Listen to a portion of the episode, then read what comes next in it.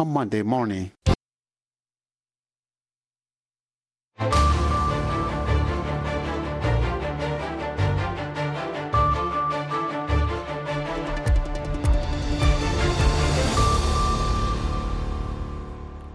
subax wanaagsan dhegeystayaal ku soo dhowaada idaacadda subaxnimo ee laanta af soomaaliga v o a oo idinkaga imaaneysa washington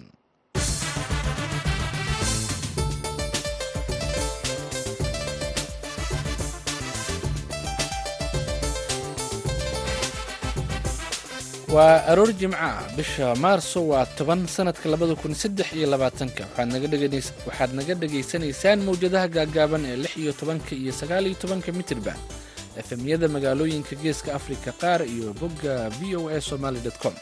Saacadda afrikada bari waa lixdii iyo barkii aroornimo. Idaacadda saaka iyo caalamka waxaa idinla socodsiinaya aniga oo ah nuur xasan nuur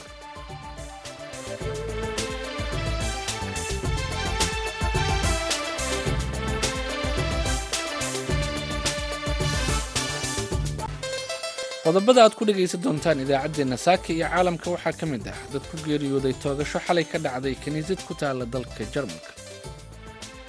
Waxay soo gaadheen goobtii saraakiisha booliiska iyo ciidamada damdemiska iyo sidoo kale gargaarka degdega way soo gaadheen. Markii ay soo gaadheen waxay maqleen rasaas sida ay sheegeen wax yar kadibna waxa ay ma garanaysaa ay gudaha u galeen xaruntii ay kiniisadda ahayd ee ay ka dhaceen ma garanaysaa dilkani uu ka dhacay ama toogashadani ay ka dhacday. Dowlad deegaanka soomaalida oo iska fogeeyey ceed loo jeediyey oo la xidhiirta in ciidankooda ay ku lug leeyihiin dagaalka laasacaano waxaa kale oo aan idiin haynaa waraysi ku saabsan hogaamiyeyaasha siyaasadda gobolka alberta oo soomaali badanna ay ku jiraan oo kulan la qaatay guddoomiyaha gobolkaas barnaamijkii amuuraha islaamkana meesha kama marna iyo warar kale. Balse intaasoo dhan waxaa ka soo horreeya warkii caalamka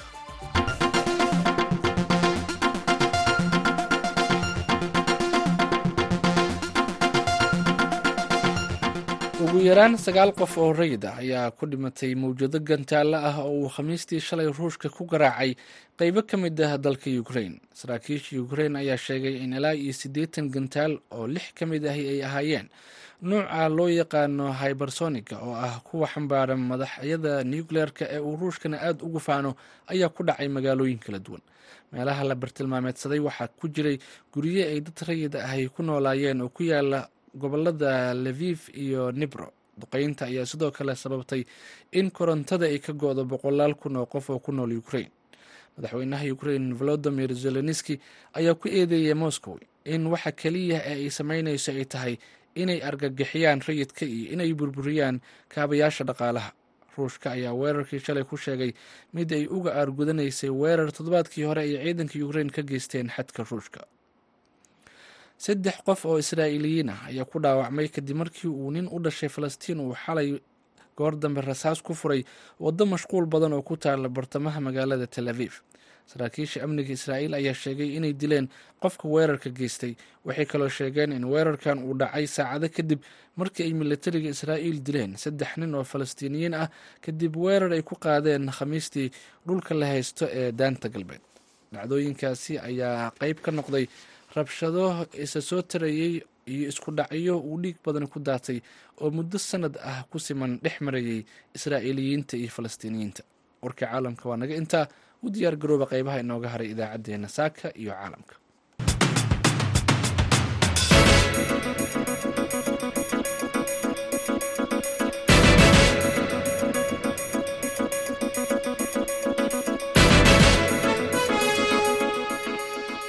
subax wanaagsan dhegeystayaal halka aad nagala socotaan waa v o a. Aan ku bilowna ee xukuumadda dowlad deegaanka soomaalida ayaa iska fogeysay eed la xiriirta in ciidankooda ay ku lug leeyihiin dagaalka ka socda magaalada laasacaanood ee gobolka sool. Mas'uuliyiinta somalilan ayaa war ay shalay soo saareen waxay ku sheegeen in ciidamo ka tirsan dowlad deegaanka ay qeyb ka yihiin dagaalka loogu soo horjeedo maamulkooda. Warkan waxaa jigjiga ka soo diray maxamed cabdiraxmaan gaata shirkii golaha wasiirada ee somalilan oo ay yeesheen maanta ayaa qoraal ka soo baxay. Waxaa lagu sheegay islamarkaana lagu eedeeyey in dowladdeegaanka soomaalida in dagaalka laascaanood ay qeyb ka yihiin ciidamo ka yimid dowladdeegaanka soomaalida. Dhanka kale war-saxaafadeed ka soo baxay xukuumadda dowladdeegaanka soomaalida oo lagaga jawaabayo eedeymaha ka soo yeeray somalilan ayaa waxaa lagu beeniyey qoraal ka soo baxay shirkii golaha wasiirada ee somalilan waxaana lagu yidhi warmutiyeedkan oo nuqul ka mid ah ay heshay idaacadda v o a ayaa lagu yidhi waxaan u sheegaynaa somalilan inaysan jirin ciidan ka tirsan dowladdeegaanka soomaalida oo qayb ka ah colaadda laascaanood waxaana cambaaraynaynaa ayaa lagu yidhi war-saxaafadeedkani eedeymaha mas'uuliyad darrada ah ee ka soo yeeray dhanka somalilan inkastoo xukuumadda dowladdeegaanka soomaalida ayaa lagu yidhi warmutiyeedkani ay dadaal dheer iyo dulqaad badan ka muujisay inayna ka jawaabin eedeymo iyo dacwooyin badan oo si isdabajoog ah uga soo yeerayay mas'uuliyiinta ka tirsan maamulka somalilan oo la xidhiidha ayaa la yidhi isla arrintan waxaa muuqata in maamulka somalilan ayaa lagu yidhi warmutiyeedkani nafis siyaasadeed ka raadinayo inuu farta ku fiiqo cadow aan jirin si uu u maareeyo su'aalaha kaga imanaya gudaha iyo dibadda ee la xidhiidha xaaladda ka aloosan gobolka sool gabagabadii war-saxaafadeedkani ka soo baxay xukuumadda dowladdeegaanka soomaalida ayaa lagu yidhi waxaan mar kale ugu baaqaynaa maamulka somalilan inay ka waantoobaan hadallada iyo ficilada kala fogeyn kara shacabka walaalaha ah ee dowladdeegaanka soomaalida iyo somalilan. Maxamed cabdiraxmaan gaata v o a magaalada jigjiga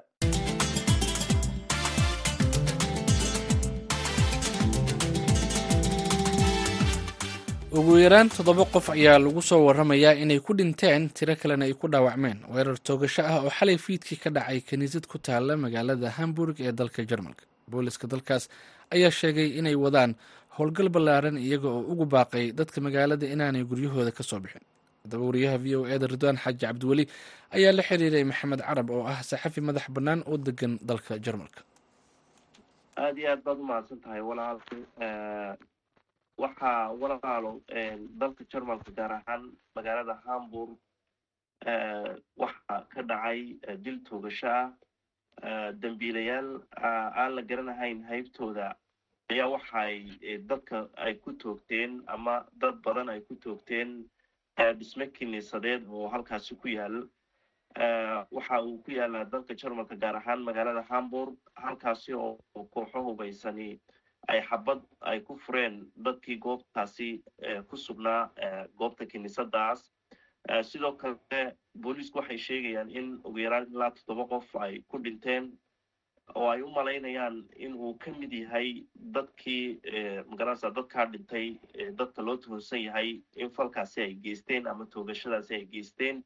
Sidoo kale ugu yaraan ilaa sideed qof ayaa la soo sheegayaa inay magaranaysa ku dhaawacmeen inkasta oo meelaha qaarna ay sheegayaan ama dadka qaar ay sheegayaan in warbaahinta qaar ay qorayaan in dad badan ay ku dhinteen oo intaa ka badan ay jiraan.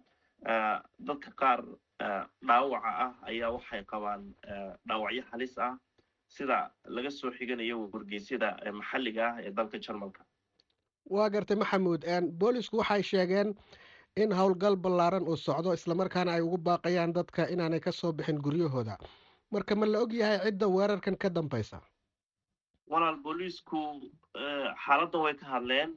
Waxayna sheegeen in ay heleen wicitaano deg dega markii ay soo gaadheen magaranaysaye wicitaanadaasi ama magaranaysa wargelinta deg degii waxay soo gaadheen goobtii saraakiisha booliiska iyo ciidamada demdemiska iyo sidoo kale gargaarka degdega way soo gaadheen markii ay soo gaadheen waxay maqleen rasaas sida ay sheegeen wax yar kadibna waxa ay ma garanaysaa ay gudaha u galeen xaruntii ay kiniisadda ahayd ee ay ka dhaceen ma garanaysaa dilkani uu ka dhacay ama toogashadani ay ka dhacday.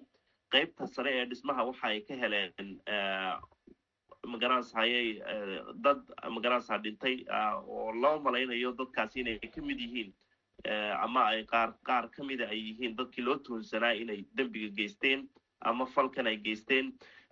Inkastoo aanay si dhabba u xaqiijin cidda ma garanaysaa inay baxsad yihiin iyo sidoo kale inay ma garanaysaa la dilay iyo inay joogaan iyo inay baxsadeen toona. Ciidamo badan oo gurmad ah ayaa goobta ku sugan waana la xidhay goobabihii iyo agagaarkii iyo dhammaan waddooyinkii goobahaasi soo gelayey waxay ka dhigeen ama ma garanaysaa sidoo kale booliisku waxay sheegeen in dembigani uu ka dhacay xaruntan ma garanaysaa markhaatiyaasha magarasa ay ugu yeedheen kiniisadda in ka badan dembiilayaashaasi inay geysteen ilaa dhowr qof dembigan ay magarasa geysteen oo aanu hal qof ahayn sida ay sheegeen. Dhanka kale ma ay xaqiijin oo si dhaba ma ay xaqiijin dembiilahan iyo waxa uu damacsanaa iyo sababta ka dambeysay in dilkan la geyso. Xaqiiqada dhabta ee ka dambaysa weli lama xaqiijin. Si kastaba ha ahaatee sida laga soo xiganayo magarasay goobaha ammaanka ama booliiska sidoo kale iyo afhayeenka u hadlayba booliisku waxay falkaasi ku tilmaameen fal aan caadi ahayn oo aan hore uga dhicin dalka jarmalka guud ahaan. Sidoo kale arrintani waxa ay ku tilmaameen in booliisku ay gacanta ku hayaan dadkuna ay ka fogaadaan ay ku sugnaadaan guryahooda si loo xaqiijiyo ama magarasay dembiilayaasha loo xaqiijiyo in la dilay iyo in magarasa ay baxsad yihiin. Haddii aydeena in loo soo qabto. Waa gartay see marka looga hadal hayaa dalka gaar ahaan marka laga hadlayo warbaahinta iyo xogaha aad ka hayso. Kuwa maxalliga ah iyo kuwa guud ahaan caalamkuba aad bay u hadal hayaan waqti. Xaadirkan ilaa labaatan daqiiqo xilligan aan kula hadlayo ka hor ayuu falkani dhacay. Waxaana filayaa in magarasa weli falcelin ka dambaynaysa ee dadka ay kaga falcelinayaan aanay weli magaranaysaye aanay caddayn sababtoo ah dadka badankoodu maba oga. Laakiin warbaahinta waxay u hadal haysaa guud ahaan in arrintan ay ku baraarugeen magaranaysa markii ay falkani dhacay lagu wada baraarugay.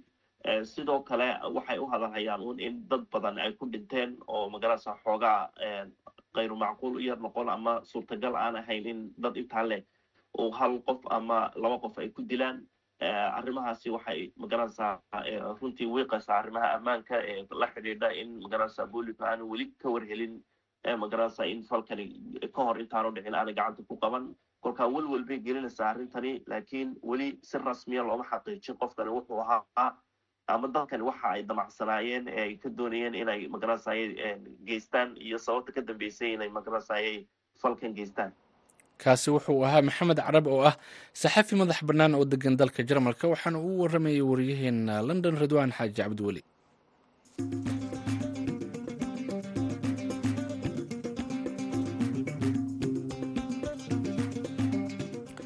hogaamiyayaasha siyaasadda ee gobolka alberta ee dalka canada ayaa kulan la qaatay madaxa gobolkaasi daniel smith iyo xildhibaanada xisbiga haya talada gobolkaasi alberta ee united conservative party oo loo soo gaabiyo a b u c b soomaalida qaar ee alberta ayaa ka mid ahaa dadkii ka qayb galay kulankaas. Haddaba wariyaha v o eda xuseen nuur xaaji ayaa khadka telefoonka kula xiriiray injineer axmed cali murux oo ka qayb galay kulankaas islamarkaana ah madaxa ururka social injustice and education inequality association oo ka shaqeeya arrimaha waxbarashada sinaanta iyo cadaaladda kaasoo fadhigiisu uu yahay magaalada edmonton ee gobolka alberta.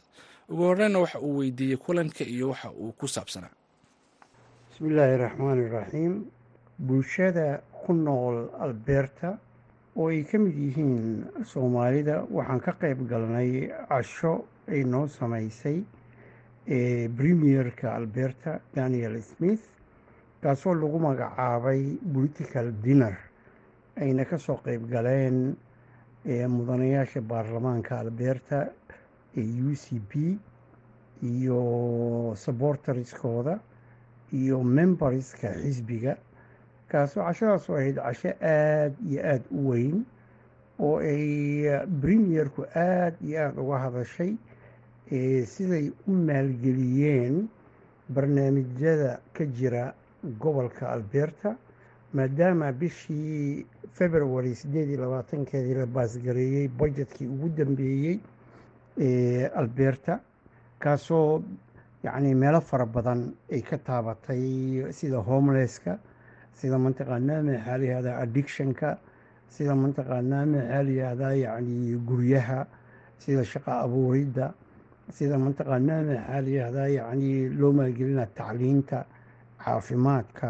Waxay ka hadashay yacni qeyb kasta waxyaabaha ay rabaan inay ka qabtaan sida ay u maalgelinayaan sida ay mataqaanaa maxaa layihahdaa yacni uga shaqaynayaan bulshada kale sida communitiyada organizationada non profitable iyo profitable organizationskaba mataqaanaa ee businessyada waxay ahayd khudbo aada u dheer oo aada u qeexan oo aada iyo aada loogu riyaaqay arrintaas.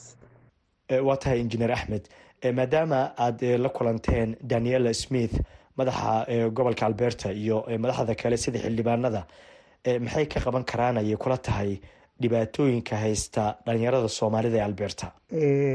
Wax ka qabashada dhalinyarada soomaaliyeed iyo communitiga soomaaliyeed iyo mataqaanaa arrimaha ku wajahan dowladdan alberta maadaama ay daniel smith hadda tahay premier election ay u carareyso waa arrin aada iyo aada mataqaanaa yacni u dhibta dadweynaha soomaaliyeed ee ku nool alberta muddona soo daba jiitamaysay yacni maamuladii iyada ka horeeyey ee soo qabtay xukunka ay dadka soomaaliyeed mar walbaba ay u cararayeen ama ay u sameynayeen inay mataqaanaa u noqdaan maxaa la yidhaahdaa yacni dadka u doodaya danahooda. Kana hadlayay dhibti gaartay dhalinyaradii lagu dilay gobolkan kaasoo mataqaanaa ay ka warqabto dowladda premierku waxay ballan qaaday inay la shaqeyn doonto mataqaanaa communitiyada soomaaliyeed. Yacni ayna wax la qaban wax la qaban doonto. Inkastoo loo baahan yahay labada dhinacba inay ka wada shaqeeyaan si arrintaa loo xalin lahaa. Waa tahay. Ugu dambeyntii doorashooyin ayaa qabsoomi doontaa bisha may ee sanadkan ololaha ayaa hadda socda. Dadka qaarna waxay rumaysan yihiin kulanka madaxa albeerta aada la yeelateen laftiisu inuu ololuhu qeyb ka yahay. Marka sidee baad ugu diyaar garowdeen doorashadaasi? Marka ay timaado codaynta iyo sidii aad ku soo saari lahaydeen inaad yeelataan xildhibaankii ugu horreeyay oo soomaali ah? Doorashadan waxay kaga duwan tahay. Waxaa soomaalida mathalaya constituency edmonton ka tirsan laba wiil oo soomaaliya midna uu mathalayo u c p midna uu mathalayo n d p. U c p waa sayid axmed n d p waa shariif xaaji. Labadoodaba waa laba wiil oo soomaaliya oo olready soomaalidu ay garab taagan yihiin. Dhinac walbaba dhinac dhaqaale dhinacii mataqaanaa markay ku guuleysanayeen mataqaanaa nominationka oo ay garab istaageen xaflado badan oo loo qabtay ayaa waxaa la tusay soomaalida united inay yihiin kana go-an tahay inay ka arkaan baarlamaanka looga taliyo albeerta wiil soomaaliyeed oo danahooda ka hadlaya oo ah member of alberta parliament taasoo tusaysa shucuubta kale mataqaanaa in soomaalidu ay diyaar u yihiin mataqaanaa maxaa la yidhaahdaa political approachment waxa la yidhaahdo iyo boloticska ka jira waddanka iyo gobolkaba ay ka qayb qaataan. Injineer axmed cali murux oo u waramayay wariyaha v o e da ee kanada xuseen nuur xaaji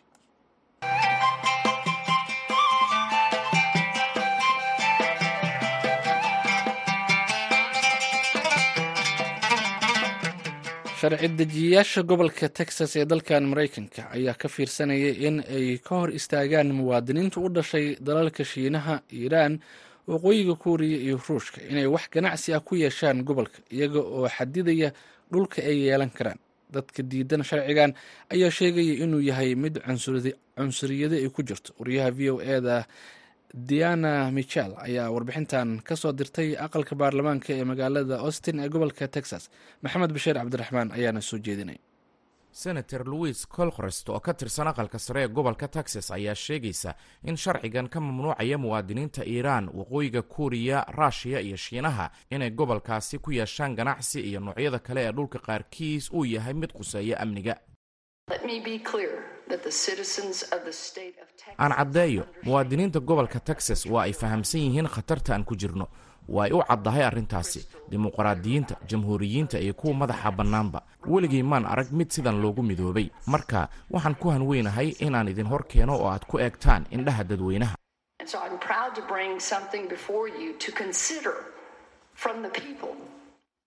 colcorost ayaa daah furtay dhegeysiga guud ee sharciga khamiistii jean wu oo ka tirsan aqalka baarlamaanka ee gobolka texas ayaa sheegaya in dadka oo siyaabo kala duwan loola dhaqmo iyadoo lagu salaynayo waddanka ay ku dhasheen ay ka soo horjeedo qiyamka maraykanka waxa uu run ahaantii hindisahan leeyahay waa soo galooti kasta. Qof kasta oo ka yimid dalalkan waa basaas waa khaa'in waa macquul inuu jaajuus u yahay dalalkan. Taasina waa cadaalad darro si gaar ah inagu og in qaar badan oo ka mid ah dadka ka imanaya shiinaha iiraan iyo ruushka ay yihiin kuwa ka soo cararaya dowladahaasi oo aan doonayn inay la macaamilaan dowladahaasi. Komishinarka waaxda beeraha ee gobolka texas seid miller ayaa sheegaya in sharci dejiyaasha si adag uu ugala shaqeeyey diyaarinta sharcigan kadib markii bilyaneer shiinays ah oo lagu tuhmayo inuu xiriir la leeyahay militariga shiinaha oo in ka badan konton iyo laba kun oo higtar oo dhul ah ka iibsaday koonfurta texas isagoo qorsheynaya in goobtaasi oo u dhow saldhigga ciidanka cirka uu ka dhiso warsha dabaysha ah. Haddii uu qof rabo inuu dhul iibsado waa in uu noqdaa muwaadin maraykan ah laakiin haddii aad tahay xubin ka tirsan xisbiga shuuciga ah maya jamaal cabdi oo ah madaxa golaha iiraaniyiinta ameerikaanka ah ayaa sheegaya in dhibaatada sharcigan ay tahay inuu bartilmaameedsanayo shakhsiyaad aan wax xiriir ah la lahayn dowlado shisheeye. Waxa uu aaminsan yahay in uu horseedi doono cunsuriyad ballaaran waxaan u malaynayaa inuu dhiirigelin doono nuuc dhaqangelin jabhadaysan markaasi oo ay dadku dhihi doonaan hagaag waa sharciga gobolka inaan ka mamnuuco muwaadiniinta shiinaha ama kuwa iiraan inay iibsadaan guri ama hanti. Sidaasi daraaddeed taasi ayaan fulinayaa oo guri kaama iibinayo. Wuu ayaa sheegaya in sharcigani uu u xun yahay ganacsiga shiinaha waa dalka labaad ee wada shaqaynta ugu weyn ee ganacsi la leh texas. Shiinuhu waa kan saddexaad ee ugu weyn ee iibsada wax soo saarka texas. Maxay halkan u imanayaan? Maxaysan u aadaynin goob kale oo runtii lagu soo dhoweynayo taasi waaba ujeedka guud ee sharcigan in laga ilaaliyo dadka shiinaha ka imanaya inay halkan yimaadaan oo ay dhul iibsadaan. Ka ilaalinta dadka ka imanaya shiinaha inay yimaadaan halkan oo ay dhul iibsadaan. Ma doonayno taas haddii sharcigan ay ansixiyaan labada aqal ee sharci dejinta gobolka guddoomiyaha gobolka texas greg abbad ayaa sheegaya inuu diyaar u yahay inuu saxiixo. Aad ayuu u mahadsan yahay maxamed bashiir cabdiraxmaan oo noo soo koobay warbixintii ay wariyaha v o e da diana michel ka soo dirtay magaalada austin ee gobolka texas. Haatanna ku soo dhowaada barnaamijkii xiisaha lahaa ee amuuraha islaamka. Waxaa london ku soo diyaariyey soona diray wariyaha v o e da ee qaaradda yurub cabdixaafid cawil ismaaciil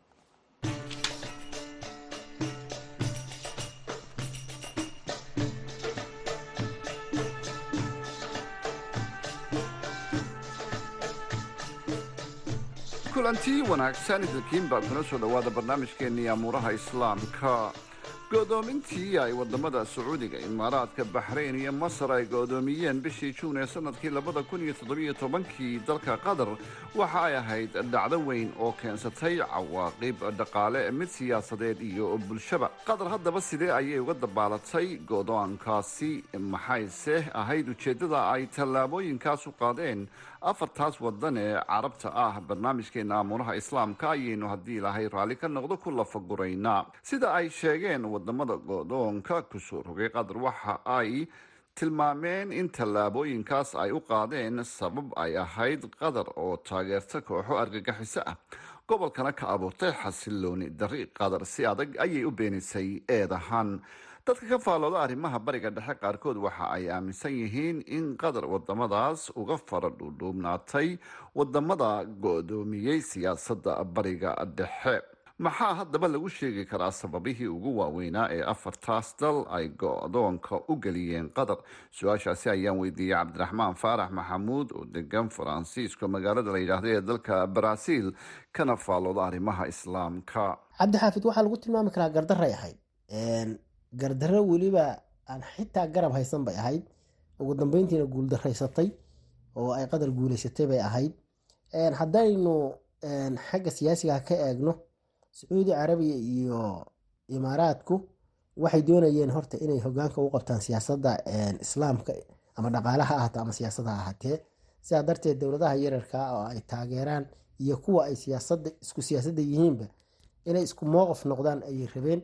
Ujeedaduna waxay ahayd in culays la saaro diblomaasiyadeed wadanka iiraan oo markaa taageerayay kooxahii ka dagaalamayay yaman ee xuutiyiinta marka sababta ugu weyn waxay ahayd in iiraan la saaro cadaadis iyo in xitaa ururada ka dagaalama waddamada muslimiinta ee dowladaha iyo xukuumadaha ku kacsan ee qatar ay dhexdhexaadiso ay ka xun tahay sacuudiga iyo imaaraadku ay ka xun yihiin oo ay leeyihiin kaalintaas inaan anagu qaadano ayaa ku habboonayd.